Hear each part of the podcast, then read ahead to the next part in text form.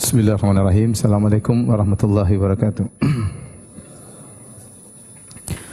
Innal hamdalillah nahmaduhu wa nasta'inuhu wa nastaghfiruhu wa natubu ilaih wa na'udzu billahi min shururi anfusina wa min sayyiati a'malina may yahdihillahu fala mudilla lahu wa may yudlil fala hadiya lahu wa asyhadu an la ilaha illallah wahdahu la syarika lahu wa asyhadu anna Muhammadan abduhu wa rasuluhu لا نبي بعده. يا أيها الذين آمنوا اتقوا الله حق تقاته ولا تموتن إلا وأنتم مسلمون. فإن أصدق الحديث كتاب الله وخير الهدى هدى محمد صلى الله عليه وسلم. وشر الأمور محدثاتها وكل محدثة بدعة وكل بدعة ضلالة وكل ضلالة في النار. حاضرين الحضرات إخواني وأخواتي رحمكم الله جميعا. Kita melanjutkan pembahasan kita dari penjelasan Kitab Tauhid karya Al-Imam Muhammad bin Abdul Wahab rahimahullahu taala dan kita sekarang sampai pada bab yang ke-20. Bab majaa annal ghuluwa fi quburis salihin yusayyiruha awsanan tu'badu min dunillah. Bab bahwasanya bersikap berlebih-lebihan terhadap kuburan orang-orang soleh menjadikan kuburan-kuburan tersebut sebagai berhala-berhala yang disembah selain Allah Subhanahu wa taala.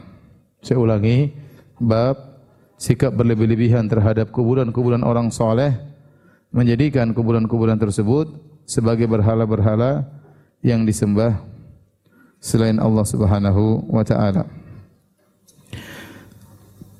Pada pertemuan lalu kita juga membahas tentang sikap berlebih-lebihan terhadap kuburan orang soleh ya. Al-gulu fi kuburis salihin. Berlebih-lebihan terhadap kuburan orang soleh.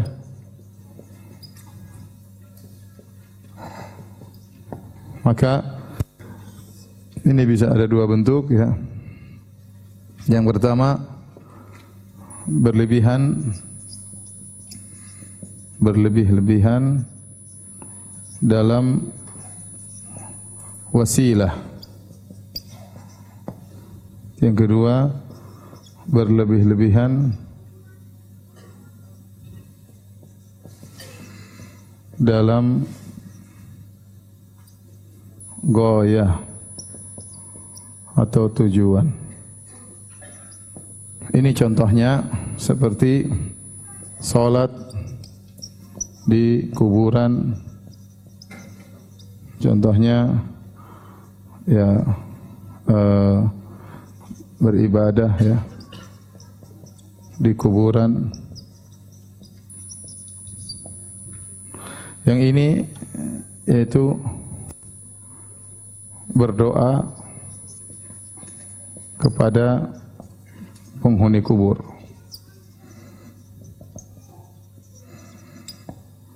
Perhatikan sini, jadi berlebihan terhadap kubur yang soleh bisa dua bentuk. Yang pertama berlebihan dalam wasilah, seperti yang sudah kita bahas pada bab-bab sebelumnya, seperti sholat di kuburan, sholat ke arah kuburan, ya, atau beribadah di kuburan, atau meyakini berdoa di kuburan lebih manjur, lebih afdal misalnya. Itu semua berlebihan, berlebihan dalam kuburan orang soleh, tapi semuanya wasilah kepada apa?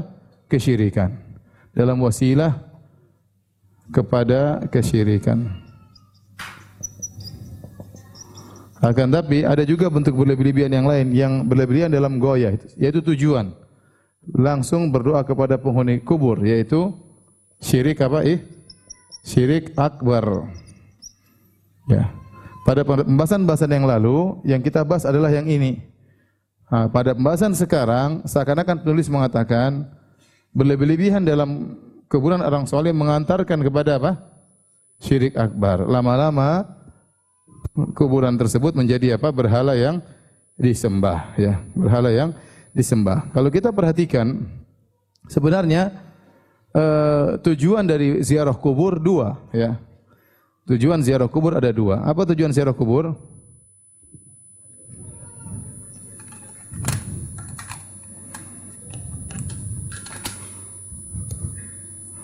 Tujuan ziarah kubur. Kubur ada dua. Yang pertama apa? Yang pertama mengingat kematian. Mengingat kematian atau akhirat. Ditadzakuril akhirat. Akhirat. Yang kedua tujuan apa? Mendoakan penghuni kubur. Penghuni kubur. Kalau kita perhatikan tujuan ini, dua tujuan ini, maka pada hakikatnya ya, kedua tujuan ini tidak ada beda antara kuburan orang soleh maupun yang tidak soleh maupun yang lain sama ya mau kuburan orang soleh ataupun orang soleh selama orang beriman, tujuannya kita cuma dua. Kita untuk kita mengingat akhirat, untuk kepentingan kita, atau untuk kepentingan penghuni apa? Kubur untuk kita doakan. Bahkan kalau untuk mengingat akhirat, boleh. Boleh kita menziarahi kuburan orang kafir.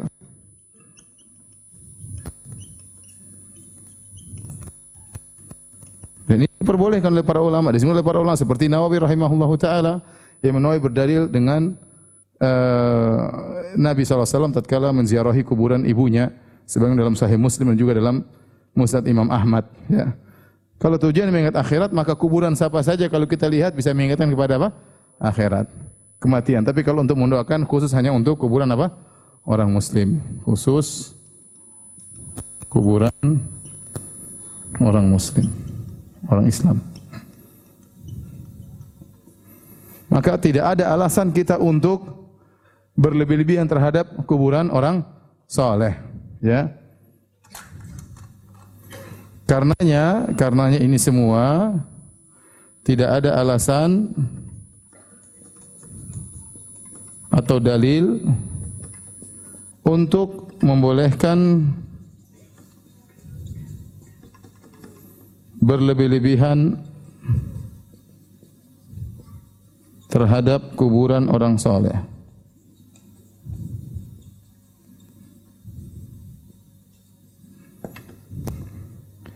Paham tidak? Paham? Silakan dicatat. Kalau malas difoto ya.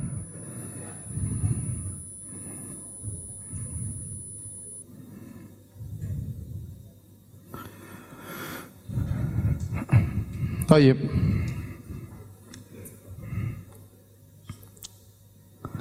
Kenyataan yang ada yang buat hati kita sangat bersedih tatkala kita melihat saudara-saudara kita mereka begitu mengagungkan kuburan-kuburan orang soleh di berbagai macam negeri kaum muslimin. Sebagian mereka datang ke kuburan orang soleh, kuburannya sudah diperluas, perbesar, memang disiapkan untuk orang beribadah di situ. Begitu sampai di kuburan orang soleh dia sholat dua rakaat, sholat tahiyatul kuburan ya. Setelah itu mulailah dia maju, dia berdoa dan berbagai macam seperti itu. Ada yang berdoa kepada Abdul Qadir Jailani, ya Abdul Qadir Jailani. Ada yang menyeru kepada Ahmad Badawi, ya Sayyidina Ahmad Badawi. Ada yang berdoa kepada apa namanya? Ya Mursi Abul Abbas ya. Macam-macam. Ada yang mengatakan yang satu mengatakan ya Husain ya nangis nangis satu mengatakan ya Fatimah ya Fatimah. Dan berbagai macam model orang-orang yang beribadah di kuburan. Yang satu menempelkan tubuhnya di dinding-dinding kuburan. Yang satu mengambil pasir lalu menumpahkan pasir tersebut menaburkannya di kepalanya. Dan sebagiannya mengambil pasir lalu dimakan pasir tersebut. Dan itu kenyataan ya dan kalau untuk perhatikan ini semua adalah ibadahnya orang-orang Syiah. Ini asalnya ibadahnya orang-orang apa? Syiah. Jadi tidak ada yang melariskan ibadah kepada penghuni kubur seperti orang-orang Syiah. Kemudian sebagian kaum muslimin terpengaruh dengan apa yang mereka lakukan, ya. Nabi SAW tidak pernah mengajarkan demikian. Betapa banyak orang saleh meninggal di zaman Nabi. Tatkala para sahabat meninggal dalam perang Uhud, Nabi tidak pernah mengajarkan demikian. Ya. Kemudian juga Nabi tidak pernah mengajari para sahabat untuk mencari kuburan-kuburan para nabi. untuk berziarah, bersafar mencari kuburan-kuburan para nabi untuk kemudian beribadah di situ. Nabi tidak pernah mengajarkan demikian ya. Baik. Hadirin dan hadirat yang dirahmati oleh Allah Subhanahu wa taala, dalam bab ini, bab yang ke-20 ini, eh, Al-Imam Muhammad bin Abdul Wahab menyebutkan beberapa dalil untuk menjelaskan hal ini. Yang pertama, tolong dihapus.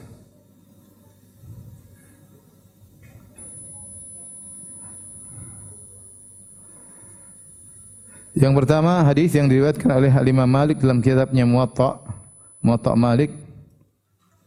Anna Rasulullah sallallahu alaihi wasallam qaal, bahwasanya Rasulullah sallallahu bersabda, Allahumma la taj'al qabri wasanan yu'bad.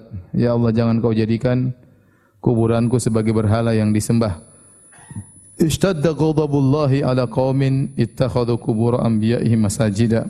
Sungguhnya Allah murka dan sangat murka kepada suatu kaum yang menjadikan kuburan-kuburan nabi-nabi mereka sebagai masjid. Sebagai masjid. Saya ulangi, Al-Imam Malik meriwayatkan bahwasanya Rasulullah SAW bersabda, berdoa Allahumma la taj'al qabri wathanan yu'bad. Ya Allah jangan kau jadikan kuburanku sebagai berhala yang disembah. Kenapa ishtadda ghadabullahi ala qaumin ittakhadhu kubur anbiya'ihim masajid? Karenanya Allah sangat murka kepada kaum yang menjadikan kuburan nabi-nabi mereka sebagai masjid, sebagai tempat ibadah, ya. Sebagai tempat ibadah.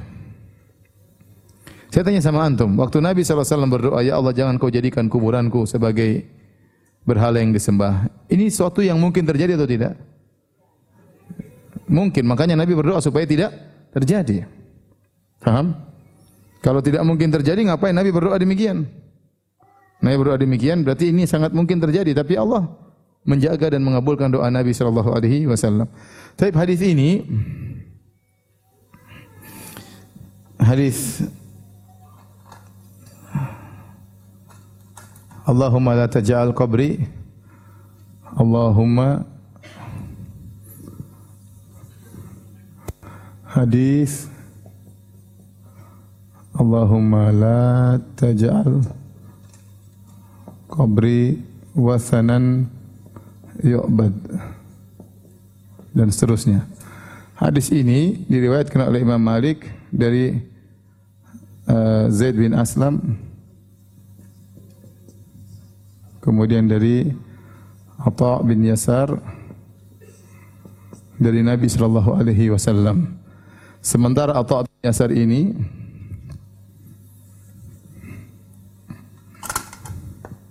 adalah seorang tabi'i. Dan kita tahu bahwasanya namanya tabi'in itu orang yang bertemu siapa? Sahabat. Dan tidak bertemu Nabi Nabi sallallahu alaihi wasallam. Karenanya hadis ini hadisnya mursal. Mursal itu dhaif. Kenapa? Karena riwayat dari tabi'i langsung kepada Rasulullah. Padahal tabi'in tidak ketemu dengan siapa? Rasulullah. Ternyata dalam riwayat yang lain dari Al-Bazzar, ini Imam Malik. Dalam kitabnya Al-Muwatta. Dalam riwayat yang lain dari Al-Bazzar, meriwayatkan dengan jalur yang lain, Al-Bazzar meriwayatkan dari ya Zaid bin Aslam kemudian dari Atha bin Yasar kemudian dari Abu Sa'id Al-Khudri. Al-Khudri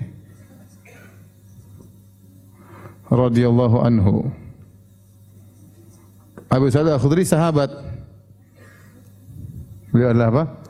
sahabi diriwayatkan secara ini hadis marfu dari sisi ini hadisnya marfu artinya sampai kepada Nabi. Adapun ini apa? Mur sal ya. Maka sebenarnya mengatakan hadis ini mengkuatkan yang ini. Intinya sanad ini diperbicarakan oleh para ulama. Akan tetapi datang dalam riwayat yang lain ya dari Al Imam Ahmad dalam musnadnya ya dari uh, Abu Hurairah ya. Al Imam Ahmad. Meriwayatkan dari Suhail bin Abi Saleh. Kemudian dari Abu Saleh. Dari Abu Hurairah. Dari Nabi sallallahu alaihi wasallam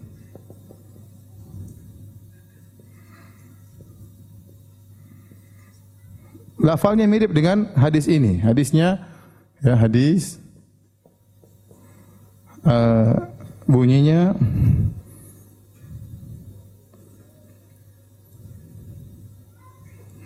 Allahumma la taj'al qabri wathanan. Tidak ada yu'bad. Allah jangan kau jadikanlah kuburanku berhala. Kalau dalam ayat ini jangan kau jadikan kuburanku berhala yang disembah. Tetapi namanya berhala pasti disembah. Sehingga sebenarnya tidak ada perbedaan antara riwayat Abu Hurairah dengan riwayat Abu Sa'id Al-Khudri. Kemudian kata Nabi sallallahu alaihi wasallam, la'anallah la'anallah uh, qauman ittakhadhu kubur anbiya masajida kubur anbiya'ihim masajida ya Intinya Allah mengatakan dengan dua hadis ini hadis ini hadis Abu Sa'id Al-Khudri atau hadis mursal atau bin Yasar dikuatkan dengan hadis Abu Hurairah yang ini sahih. Ini hadis sahih, marfu sahih, tidak ada yang ragu. Marfu sahih. Ya.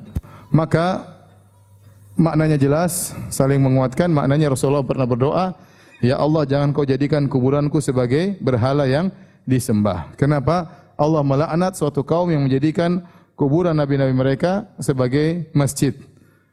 Allah sangat murka terhadap kaum yang mereka menjadikan kuburan nabi-nabi mereka menjadi masjid ya.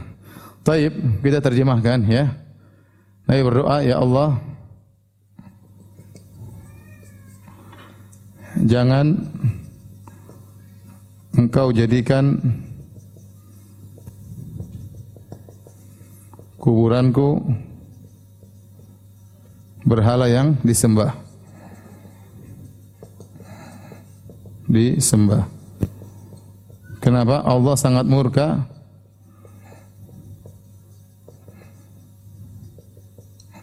ya kepada kaum yang menjadikan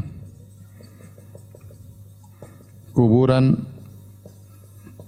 nabi-nabi mereka sebagai masjid.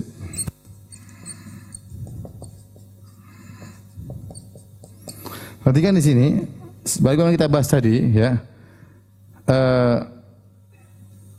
tatkala berlebih-lebihan dalam kuburan menjadikan kuburan tersebut menjadi apa? berhala yang disembah. Di sini Nabi menyebutkan dua perkara. Nabi mengatakan, "Ya Allah, jangan kau jadikan kuburan kuburanku berhala yang disembah." Ini poin yang pertama. Yaitu apa? Tujuan. Ya. Jangan sampai apa? Syirik. Sampai syirik kuburan disembah.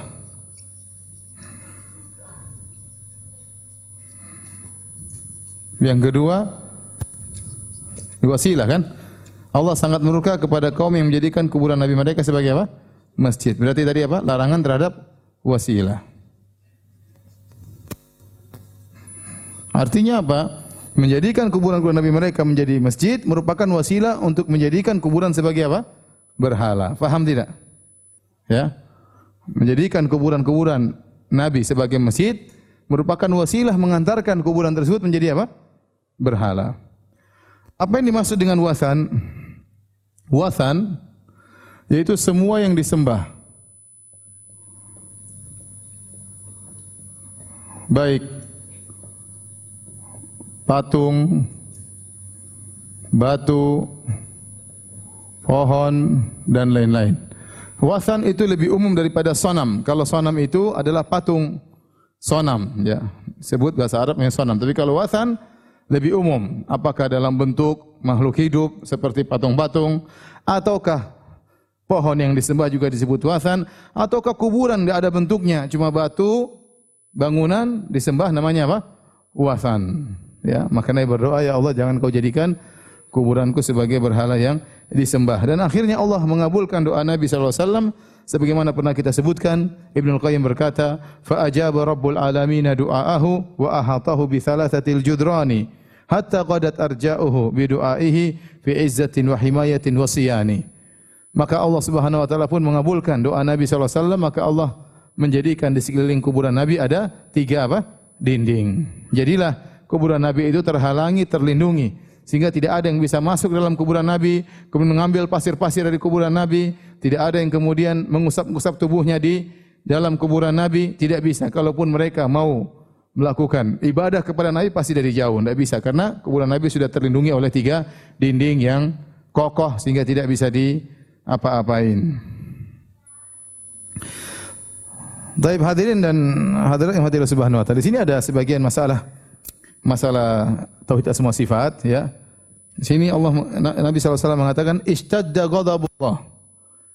Ya, ini Allah sangat murka ya. Bahasa Arabnya itu adalah istadda ghadabullah. Yang artinya Allah sangat murka. Sementara ahlul bidah, al-mu'attilah para penolak sifat ya, baik Mu'tazilah maupun Jahmiyah maupun Asy'ariyah mereka tidak menetapkan sifat marah bagi Allah Subhanahu wa taala. Karena mereka mengatakan kalau kita menetapkan sifat marah, sifat rahmat, sifat cinta, itu semua hanya ada pada manusia. Berarti kita mentasbih Allah dengan apa? Dengan manusia. Ya. Mereka demikian. Ingat ya, namanya Allah mencintai, apalagi Allah dicintai. Menurut aturan mereka tidak boleh. Namun kita lihat kenyataan masyarakat di mana-mana mudah mengatakan kamu bisa dicintai Allah. Mudah nggak mereka mengatakan demikian? Mudah karena mereka masih di atas fitrah. Padahal mungkin mereka mengaku mereka bermadhab asyairah. Mungkin mereka mengaku mereka bermadhab asyairah, tapi ternyata mereka masih mengatakan kamu para para hadirin yang dicintai oleh Allah munah bagi mereka. Kenapa? Karena mereka masih di atas fitrah. Sebenarnya aturan madhab asyairah tidak boleh anda mengatakan Allah mencintai atau Allah dicintai. Tidak boleh. Kalau ada kalimat Allah mencintai atau dicintai harus ditakwil. Ada kalimat Allah merahmati atau dirahmati harus ditakwil. Kenapa? Karena rahmat, cinta itu sifat manusia, menunjukkan kebutuhan, menunjukkan mereka takwil macam-macam. Sama seperti ghadab. Allah murka kata mereka enggak bisa kita bilang Allah itu murka. Karena murka itu adalah ya golayanu damil qalb yaitu darah yang apa namanya mem, apa menyala dalam jantung ini sifat manusia. Kita bilang itu marahnya manusia. Marahnya Allah tidak harus ada begitu-begitunya ya. Tetapi Allah murka, Allah marah itu diyakini oleh Ahlussunnah wal Jamaah bahwasanya Allah bisa marah. Sebagaimana Allah ridha, sebagaimana Allah rahmat, Allah juga bisa bisa marah. Kenapa antum melarang Allah tidak boleh marah? Terus kalau begitu hadis ini maksudnya apa dalam ayat Al-Qur'an banyak. Allah marah, wa ghadiballah dan Allah murka dan Allah murka. Kata mereka, murka tersebut harus ditakwil menjadi iradatul intiqam, yaitu Allah ingin balas dendam. Allah ingin balas. Iradatul intiqam itu Allah ingin apa? Balas. Kita bilang sama, yang ingin balas juga keinginan itu juga sifatnya manu, manusia. Kalian tidak melakukan apa-apa, kalian menolak sifat ghadab, kalian takwil dengan iradatul intiqam, ingin membalas, kita tidak mendapati sifat ingin membalas juga kecuali pada makhluk. Berarti kalian lari dari tasbih menuju kepada apa? Tasbih. Kata mereka, iradah Allah tidak sama dengan iradah manusia. Kehendak Allah tidak sama, keinginan Allah tidak sama dengan keinginan manusia. Sama. Murkanya Allah juga tidak sama dengan murkanya apa? Manusia. Tidak sama. Ya, tidak sama. Ya. Lagi pula dalam Al-Qur'an Allah mengatakan falamma asafuna intaqamna min fantaqamna minhum fa'aghraq intaqamna minhum fa'aghraqnahum. Kata Allah Subhanahu wa taala tatkala mereka Firaun dan bala tentaranya membuat kami marah, kami pun balas. Di situ Allah membedakan antara sifatul ghadab dengan sifatul intiqam. Di dalam bahasa Arab, marah dan membalas itu sesuatu yang berbeda. Meskipun membalas itu dibangun karena apa? Kemarahan. Tetapi membalas lain dengan apa? Marah. Ya. Jadi susah kalau kita menolak-nolak sifat, akhirnya kita mentakwil-takwil, akhirnya ya tadi jatuh kepada sesuatu yang kita ingin hindari lagi. Taib. Hadirin dan hadirat yang Allah Subhanahu wa taala. Jadi para salaf dahulu mereka mengikuti ajaran Nabi wasallam. Berusaha untuk menutup segala celah-celah yang bisa mengantarkan kepada kesyirikan. Seluruh wasilah, seluruh sarana yang bisa mengantarkan kepada kesyirikan mereka tutup. Saya akan sebutkan contoh bagaimana sikap salaf yang tegas terhadap hal-hal yang bisa mengantarkan kepada kesyirikan. Ya. Yang seandainya kalau kita lakukan pada zaman ini, maka kita akan dicerca habis. Ya. Contoh, Ibnu Waddah meriwayatkan dalam kitabnya Al-Bidah, demikian juga Ibnu Sa'ad dalam Tabaqat dan Ibnu Abi Syaibah dalam Musannafnya, ia berkata, Sami'tu Isa bin Yunus yaqul, aku mendengar Isa bin Yunus berkata, Amara Umar ibn al-Khattabi biqat'i syajarati allati buyi'at tahtaha Nabi sallallahu alaihi wasallam. Umar bin Khattab memerintahkan agar pohon yang para sahabat pernah membaiat Nabi di bawah pohon tersebut agar pohon tersebut ditebang. Faqata'aha maka pohon tersebut akhirnya tebang. Kenapa? Li'anna nasa kanu yadhhabuna fayusalluna tahtaha. Karena orang-orang pada mencari pohon tersebut lalu salat di bawah pohon tersebut. Fa khafa alaihimul fitnah, maka Umar takut mereka terkena fitnah. Bayangkan. Pohon tersebut pohon yang mulia yang yang pernah dijadikan peristiwa yang sangat mulia yang Allah abadikan dalam Al-Qur'an. Laqad radiyallahu 'anil mu'minin idh yubayyi'unaka tahta asy-syajarati fa'alima ma fi qulubihim fa anzala sakinata 'alaihim wa athabahum. Dalam surat Al-Fath kata Allah sungguh Allah telah ridha kepada kalian wahai kaum mukminin itu para sahabat. Tatkala kalian tatkala mereka membaiat Nabi di bawah sebuah pohon. Itu peristiwa terjadi waktu Nabi ingin melakukan umrah pada tahun 6 Hijriah kemudian dicegat oleh orang musyrikin sehingga Nabi kemudian membaiat para sahabat, membaiat bahwasanya mereka akan membela Nabi sampai titik darah penghabisan, siap mati untuk membela Nabi. Baiat tersebut diabadikan oleh Allah, ternyata baiat tersebut terjadi di bawah sebuah pohon. Pohon tersebut ternyata ditebang oleh Umar. Coba kalau ada di Indonesia pohon tersebut di di mana? Jatinegara. Ya kira-kira gimana? Oh, sudah. Kasih anu, dikasih anu. Oh, sudah. Silakan ganti-gantian ngantri salat di situ. Kira-kira begitu ya. Pasti bukan kira-kira, pasti begitu.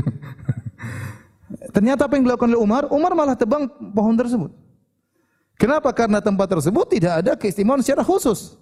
Sebagaimana Gua Hiro tidak ada berkah kemudian kebetulan Nabi dapat wahyu di situ. Namun Nabi tidak pernah lagi naik ke atas Gua Hiro. Para sahabat juga tidak pernah naik ke atas Gua Hiro.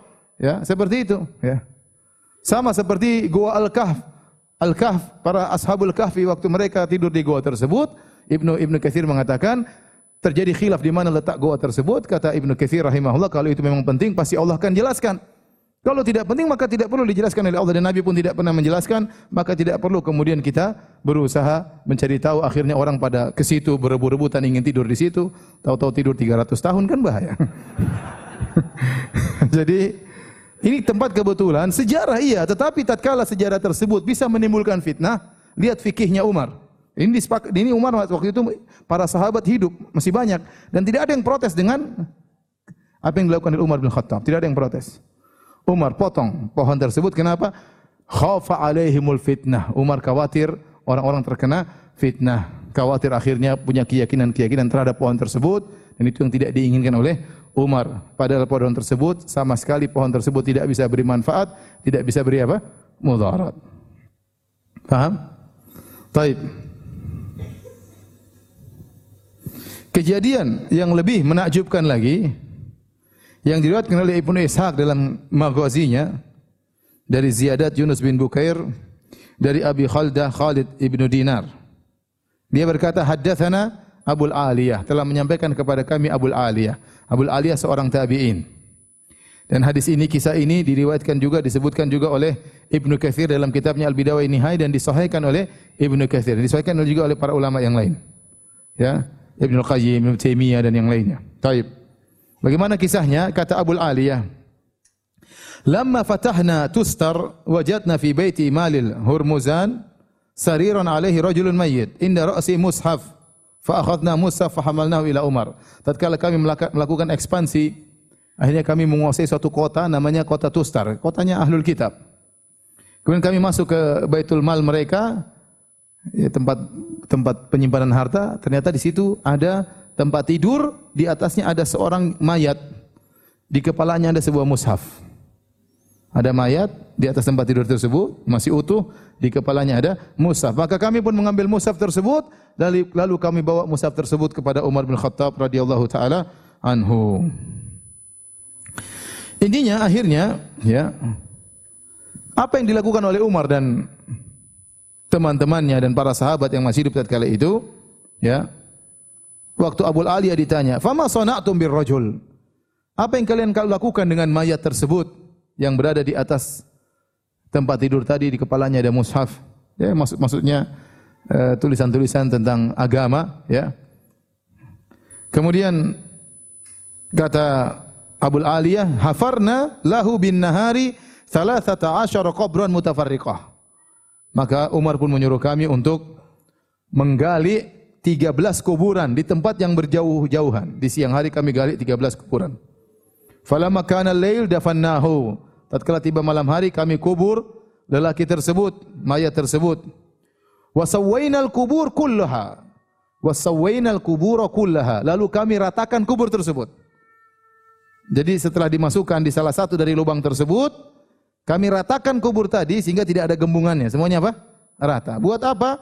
Linu'miyahu anin nas la yanbushunahu. Kami ingin agar orang-orang tidak tahu di mana kuburan tersebut. Kalau mereka tahu mereka akan gali, mereka keluarkan lagi. Sang perawi bertanya kepada Abu Aliyah, "Kenapa mau digali? Wa ma yarjunahu minhu? Wa ma minhu?" Apa yang mereka harapkan dengan mayat tersebut? Apa kata Abu Aliyah menjelaskan?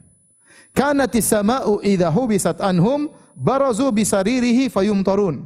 Mereka itu kalau musim kemarau tidak turun hujan, mereka keluarkan mayat tersebut turunlah hujan. Hebat atau tidak? Hebat. Tetapi fikihnya Umar berbeda. Ini bahaya ini. Apa yang terjadi dengan dikeluarkannya mayat tersebut turun hujan, itu bukan berarti dalil boleh untuk menjadikan mayat tersebut untuk diagungkan dan yang lainnya. Oleh karenanya Umar memahami bahwasanya ini adalah fitnah.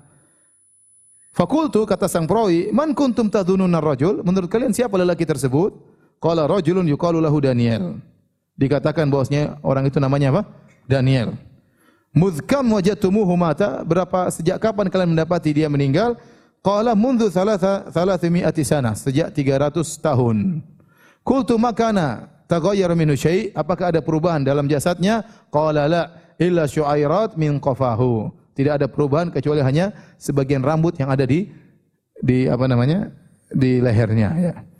Jadi ternyata tidak semua kemudian kejadian yang luar biasa ya karena kesalah perlakuan perbuatan yang salah menjadikan itu sebagai argumentasi dalil untuk membenarkan perbuatan tersebut. Justru Umar tatkala mengetahui ya ternyata mayat ini bisa dengan dikeluarkan turunkan hujan, maka ini menimbulkan fitnah, justru Umar malah menguburkan. Agar orang-orang tidak terfitnah dengan jasad tersebut. Ini bantahan yang telak kepada orang-orang yang selalu berdalil dengan pengalaman, bukan dengan dalil. Umar memandang dengan dalil. Dalil tidak boleh seorang mayat kemudian diagungkan ya Umar memandang dengan dalil. Adapun masyarakat terkadang memandang dengan apa? pengalaman. Semua mengatakan saya pergi ke kuburan, saya nangis, saya minta kepada wali, dikabulkan. Berarti bukan berarti ini benar. Padahal belum tentu benar. Allah mengatakan sana stadrijuhum min haitsu la ya'lamun. Kami akan berikan istidraj kepada kepada mereka. Betapa banyak orang-orang Nasara atau Yahudi mereka mengatakan kami sudah minta kepada Tuhan Yesus dan dikabulkan. Terus jadi benar Tuhan Yesus. Tidak. Betapa banyak orang-orang Buddha atau Hindu kemudian mereka orang Hindu mungkin pergi ke sapi kemudian menyatakan kami telah pergi ke sapi ternyata dikabulkan. Berarti boleh kemudian. Bisa jadi istidraj. Ya. Betapa banyak orang melakukan kesyirikan pergi ke dukun ternyata berhasil. Itu tidak. Apakah kemudian itu menjadikan hal tersebut benar? Jawabannya tidak.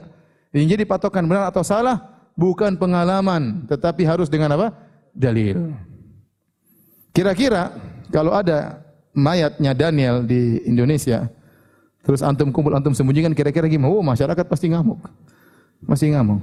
Orang-orang akan datang kemudian berusaha ya mengabadikan mayat tersebut, mungkin akan dipok, dibikin kuburan yang megah, kemudian mayatnya mungkin dimasukkan dalam peti apa kaca supaya orang bisa melihat, kemudian dibuatkan tempat sholat, dibuatkan mungkin macam-macam ya. Tapi lihat fikihnya para sahabat berbeda dengan kondisi masyarakat secara umum. Oleh karena Ibnu Qayyim rahimahullah berkata, "Fa fi hadhil qissah ma fa'alahu al-muhajirin wal ansar." Kisah ini lihatlah bagaimana perbuatan para sahabat, kaum muhajirin kaum ansar yang bersama Umar bin Khattab. Min ta'miyati qabrihi li alla yuftatan bihi. Yang mereka akhirnya menutup, menyembunyikan kuburan tersebut agar orang-orang tidak terfitnah dengan orang soleh tersebut. Tidak ada yang ragu ini orang soleh. Tapi orang soleh bukan untuk diibadahi. Tidak boleh berlebih-lebihan kepada orang soleh. Kalau itu diperbolehkan maka Umar pasti akan membiarkan orang-orang untuk bertabarruk dengan orang soleh tersebut atau hal-hal lain yang dilakukan kepada orang soleh tersebut. Walam yubrizuhu liddu'a indah wa tabarruk bihi. Lihat para kaum muhajirin kaum ansar. Mereka tidak kemudian mengeluarkan mayat tersebut untuk berdoa di sisi mayat tersebut atau mencari berkah dengan mayat tersebut. Justru dikuburkan dan disembunyikan kuburannya. Apa kata Ibnu Qayyim? Walau dhafara bihil mutaakhirun la jalalu alaihi bis saif wala abaduhu min dunillah. Kalau seandainya orang-orang zaman sekarang mendapati mayat itu di zaman sekarang pasti mereka akan rebut-rebutan untuk menguasai mayat tersebut dan mereka akan beribadah kepada mayat tersebut. Itulah bedanya fikihnya para sahabat. Mereka menutup segala celah yang bisa mengantarkan kepada kesyirikan. Taib, kita lanjutkan. Tolong dihapus ya.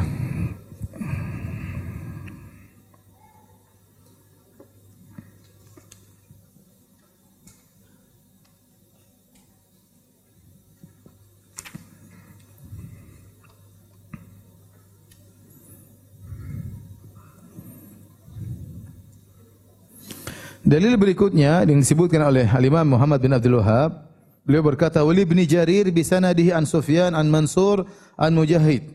Dan berikutnya Ibnu Jarir ya, dalam itu Ibnu Jarir At-Tabari dalam tafsirnya meriwayatkan dari Sufyan dari Mansur dari Mujahid, Mujahid bin Jabar. Ya, seorang tabi'in ahli tafsir. Beliau menafsirkan firman Allah, "Afara'aitumul Lata wal Uzza?" Bagaimana menurut kalian tentang Lata wal Uzza? Lata wal Uzza adalah berhala-berhala yang disembah oleh orang-orang musyrikin dahulu. Adapun Lata adalah sembahan yang disembah di kota Taif, yaitu berhala yang paling top di kota Taif ya. Di kota Taif banyak berhala, tapi yang paling top nomor satu namanya apa? Lata. Ya. Siapa Lata tersebut? Kata Muhammad, eh, kata Mujahid bin Jabar, kana yalutu lahumus sawiq famata faakafu ala qabri. Perhatikan sini. Lata dahulu waktu masih hidup, dia suka meng, membuat adonan makanan dari gandum dicampur dengan air atau dicampur dengan minyak, kemudian dijadikan adonan entah roti dan yang lainnya, kemudian diberikan kepada jamaah haji atau diberikan kepada fakir miskin. Famata, tatkala dia meninggal, fa'akafu ala kubrihi, akhirnya orang-orang pun iktikaf di atas kuburannya. Itu banyak beribadah di kuburannya. Lama-lama dia disembah. Lama-lama dia disembah menjadi lata. Ini dalam kiroah ada dua afara'aitumul lata wal uzza? Lata dengan takhfif lata dalam qiraah yang lain afara'aitumul lata wal uzza? Dengan tasydid. Lata isim fa'il dari lata. Yang maknanya orang ini dahulunya adalah orang yang soleh yang suka membagi-bagikan makanan kepada orang-orang yang membutuhkan tatkala dia meninggal kuburannya diibadahi. Demikian juga diriwayatkan dari kata Abu Jauza dari Ibnu Abbas Qala kana yalitus sawiq lil haj. Dahulu Lata ini orang soleh, kerjaannya adalah memberi makanan kepada jamaah haji. Dan ini jelas tatkala dia dikubur, akhirnya dia diibadahi. Dan subhanallah, fitnah syirik atau wasilah kepada kesyirikan, kesyirikan melalui pengagungan terhadap orang soleh itu lebih kuat daripada fitnah-fitnah yang lain. Ya. Fitnah terhadap misalnya pohon besar, orang masih tidak terlalu ada batu besar ya atau kepada sapi besar misalnya. Tapi kalau kepada orang soleh orang sangat mudah, orang sangat mudah untuk ya mengibadahi orang soleh tersebut ya. Kita lihat saja sekarang orang soleh masih hidup saja orang rebut-rebutan, cium-ciuman itu masih hidup dia, masih hidup. Begitu dia meninggal, lebih parah lagi orang memandang orang soleh ini. Kenapa waktu dia masih hidup, orang masih lihat sifat manusiawinya. Masih lihat dia makan, masih lihat dia berjalan, masih lihat dia tidur ya. Ya, masih lihat atau mungkin masih lihat kekurangannya, dia punya kesalahan. Belum disembah, begitu dia meninggal, sudah tidak terlihat lagi sifat manusiawinya. Padahal jelas-jelas sudah meninggal, itu sifat manusia yang paling utama, meninggal. Tapi itu semua dilupakan oleh orang. Kekurangan-kekurangan yang sudah tidak dilihat, yang dilihat kelebihan-kelebihannya. Setan menghiasi akhirnya disembah tatkala dia sudah meninggal. Oleh karenanya kebanyakan kesyirikan terjadi di alam semesta gara-gara berlebihan terhadap orang soleh disembah setelah dianggap meninggal dunia. Contoh kaum Nabi Nuh kapan disembah orang-orang soleh Nabi Nuh disembah tatkala mereka sudah meninggal dunia. Contohnya Lata disembah kapan setelah dia meninggal dunia. Contohnya Nabi Isa alaihissalam ya disembah tatkala dianggap dia sudah meninggal dunia meskipun dia belum meninggal ya. Mulailah disembah waktu dia masih hidup murid-muridnya tidak ada yang menyembah Nabi Isa. Kapan disembah? Setelah murid generasi murid-muridnya sudah tiada, muncul generasi berikutnya akhirnya menyembah Nabi Isa alaihissalam. Sama Siddhartha Gautama waktu masih hidup belum disembah, dia tidak pernah menciptakan apa-apa. Begitu dia meninggal, yang anggap orang soleh akhirnya sekarang disembah dan yang lain-lainnya. Ya. Taib kita sampai pada hadis yang terakhir. Wa an Ibnu Abbas radhiyallahu anhuma qala la ana Rasulullah sallam zairatil kubur wal muttakhidina 'alaiha al masajid was suruj. Rawahu ahlu sunan. Ya, ahlu sunan maksudnya ahlu sunanil arba'ah. Sunan Abi Dawud, Sunan Ibnu Majah, Sunan Tirmidzi, Sunan Nasai. Kalau dikatakan ahlu sunan berarti diriwayatkan oleh empat orang. Yaitu dalam Sunan Tirmidzi, Sunan Ibnu Majah, Sunan Nasai, eh, kemudian Sunan Abu Dawud. Dan juga diriwayatkan oleh Imam Ahmad. Dari Ibnu Abbas radhiyallahu anhu, Nabi sallallahu alaihi wasallam bersabda atau Ibnu Abbas berkata, la'ana Rasulullah ini saja ya. Rasulullah SAW melaknat siapa? Zairatil kubur. Pertama, para wanita para wanita penziarah kubur. Kemudian yang kedua apa? Al-muttakhidina 'alaihal masajid. Orang-orang yang menjadikan kuburan sebagai masjid.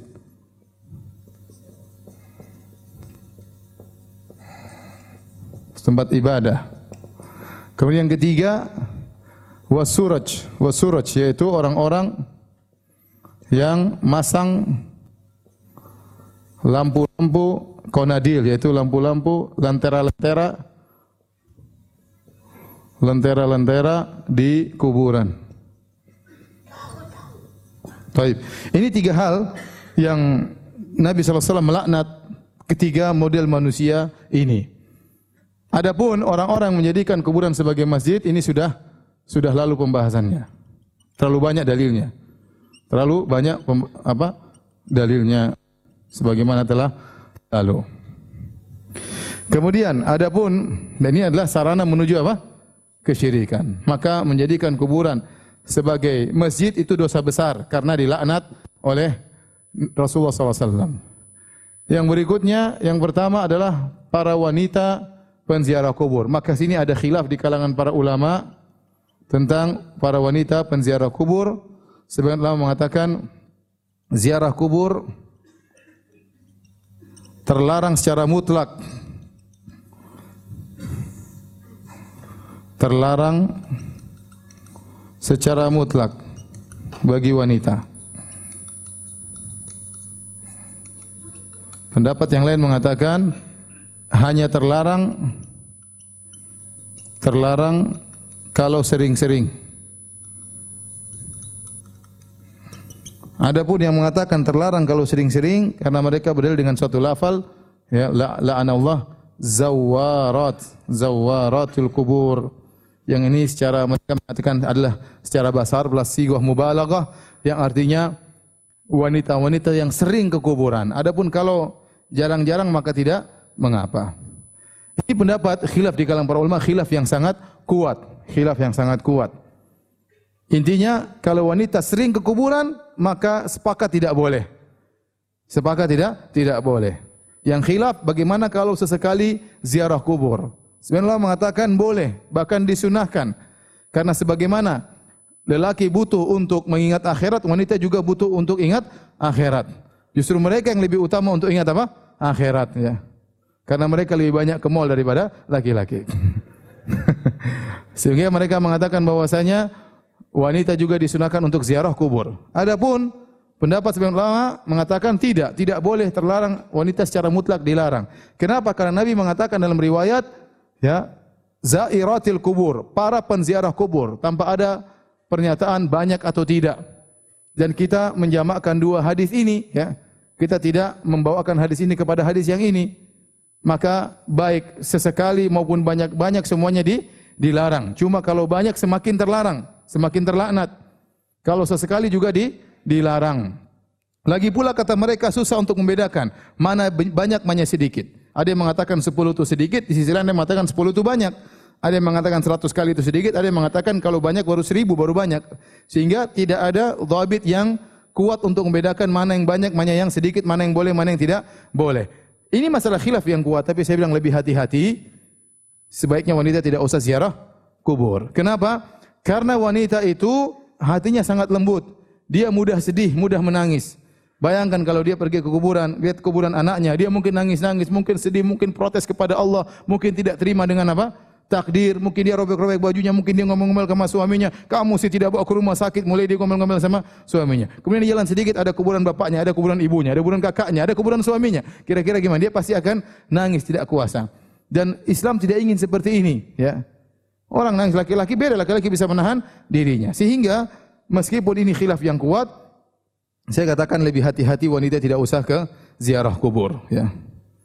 Adapun wanita ingin ingat akhirat boleh, tapi tidak mesti harus sama ke kuburan dengan cara yang yang lain. Sebagaimana wanita tidak dianjurkan untuk mengikuti jenazah. Rasulullah SAW mengatakan, man man manittaba'a janazatan, barang siapa mengikuti jenazah hatta tudfan sampai di, dikuburkan, maka dia akan mendapatkan pahala dua kirat. Para ulama sepakat ini tidak berlaku bagi wanita.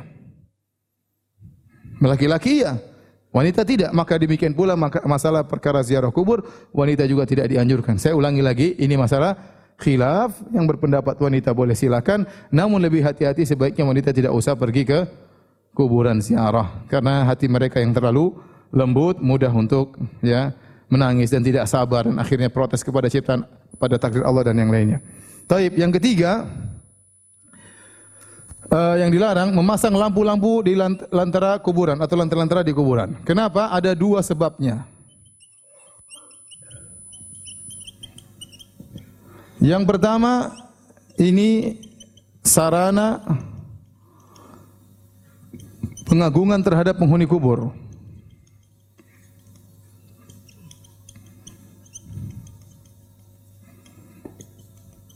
Berarti apa? Sarana kesyirikan. Sebab yang kedua ini adalah buang-buang uang. Harta yang tidak perlu. Inilah dua ilah, dua sebab kenapa para ulama mengatakan memasang lampu-lampu lantara-lantara di kuburan adalah dosa besar, terlaknat karena dua sebab ini. Azan kah? Belum. Adapun sebab yang pertama jelas ini sama-sama sama dengan permasalahan apa? Ini. Sama persis ya. Masalah ini yang perlu kita perhatikan juga bahwasanya ternyata kuburan itu ya, taib azan dulu baru kita lanjutkan.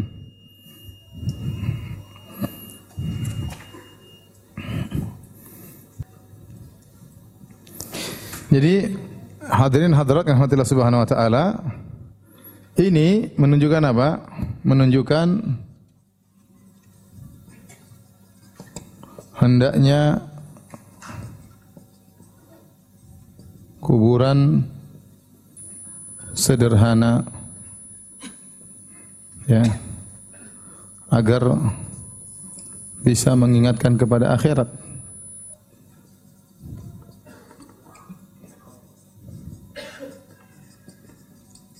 Lihatlah kuburan-kuburan sekarang di Arab Saudi, masya Allah, sesuai dengan sunnah atas tanah dikubur ya. Saya sudah pernah sampaikan bagaimana kisah eh, seorang pendeta masuk Islam gara-gara melihat uh, kuburan Raja Fahad waktu dikubur inilah rajanya Arab Saudi yang kekayaannya luar biasa.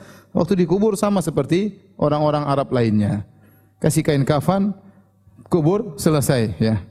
Tidak kemudian dipakaikan macam-macam ya kemudian enggak tapi kemudian kuburan juga tanah seperti biasa ya ya karena kuburan sebagaimana penjelasan para ulama adalah dur lil amwat. Kuburan adalah tempat untuk orang meninggal, bukan untuk orang yang masih hidup. Kalau orang masih hidup bolehlah dia mewah-mewahkan. Mana orang meninggal di dalam, ente ngapain mewah di atasnya di bawah? Dia enggak ada manfaat sama sama sekali.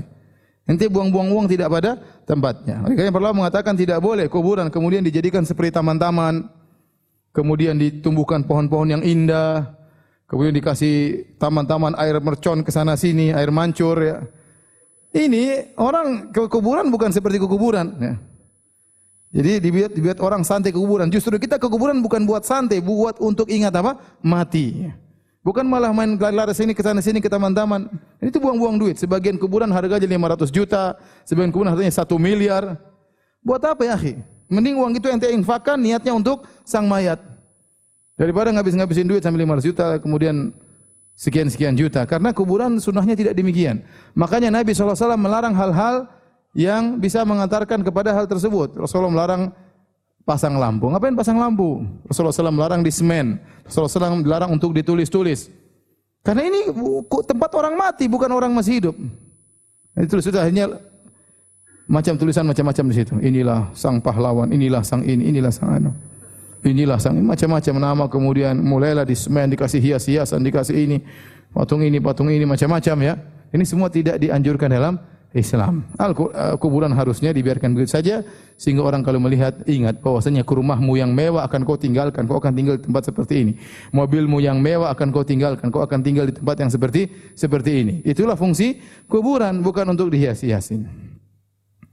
Adapun kalau pasang lampu ada perlunya seperti kuburan dikasih jalan untuk orang lewat malam-malam dikasih lampu, bukan di kuburannya enggak ada masalah. Atau dibawa lampu untuk pengkuburan supaya kelihatan tatkala menguburkan enggak ada masalah ya. Adapun kuburan dibiarkan taruh lampu di atasnya itu dilarang dalam syariat ya karena itu hanyalah membuang-buang energi yang tidak pada tempatnya ya. Apalagi bisa jadi merupakan sarana untuk kesyirikan. Kuburan dibuat penerangan, kemudian ditinggikan, dikasih selimut, tulisan kaligrafi, dikasih kerudung supaya enggak kena nyamuk, kemudian kasih fotonya besar, kasih dupa-dupa, kasih taruh Al-Quran di situ, kasih sajadah. Subhanallah. Orang awam kalau masuk gemetar dia, ini siapa ini? Nah ini timbul keyakinan terhadap penghuni kubur. Itulah awal titik kesyirikan. Timbul keyakinan terhadap apa? penghuni kubur. Oleh karenanya, syariat Islam sebenarnya mudah. Jangan sampai kita menyimpang dari ajaran Rasulullah sallallahu alaihi wasallam. Demikian kita selesai dari bab ke-20 insyaallah kita lanjutkan pada bab ke-21 pada kesempatan yang lain Senin depan insyaallah taala. Demikian saja tidak ada tanya jawab. Subhanakallah bihamdik asyhadu alla ilaha anta astaghfiruka wa atubu ilaik. Assalamualaikum warahmatullahi wabarakatuh.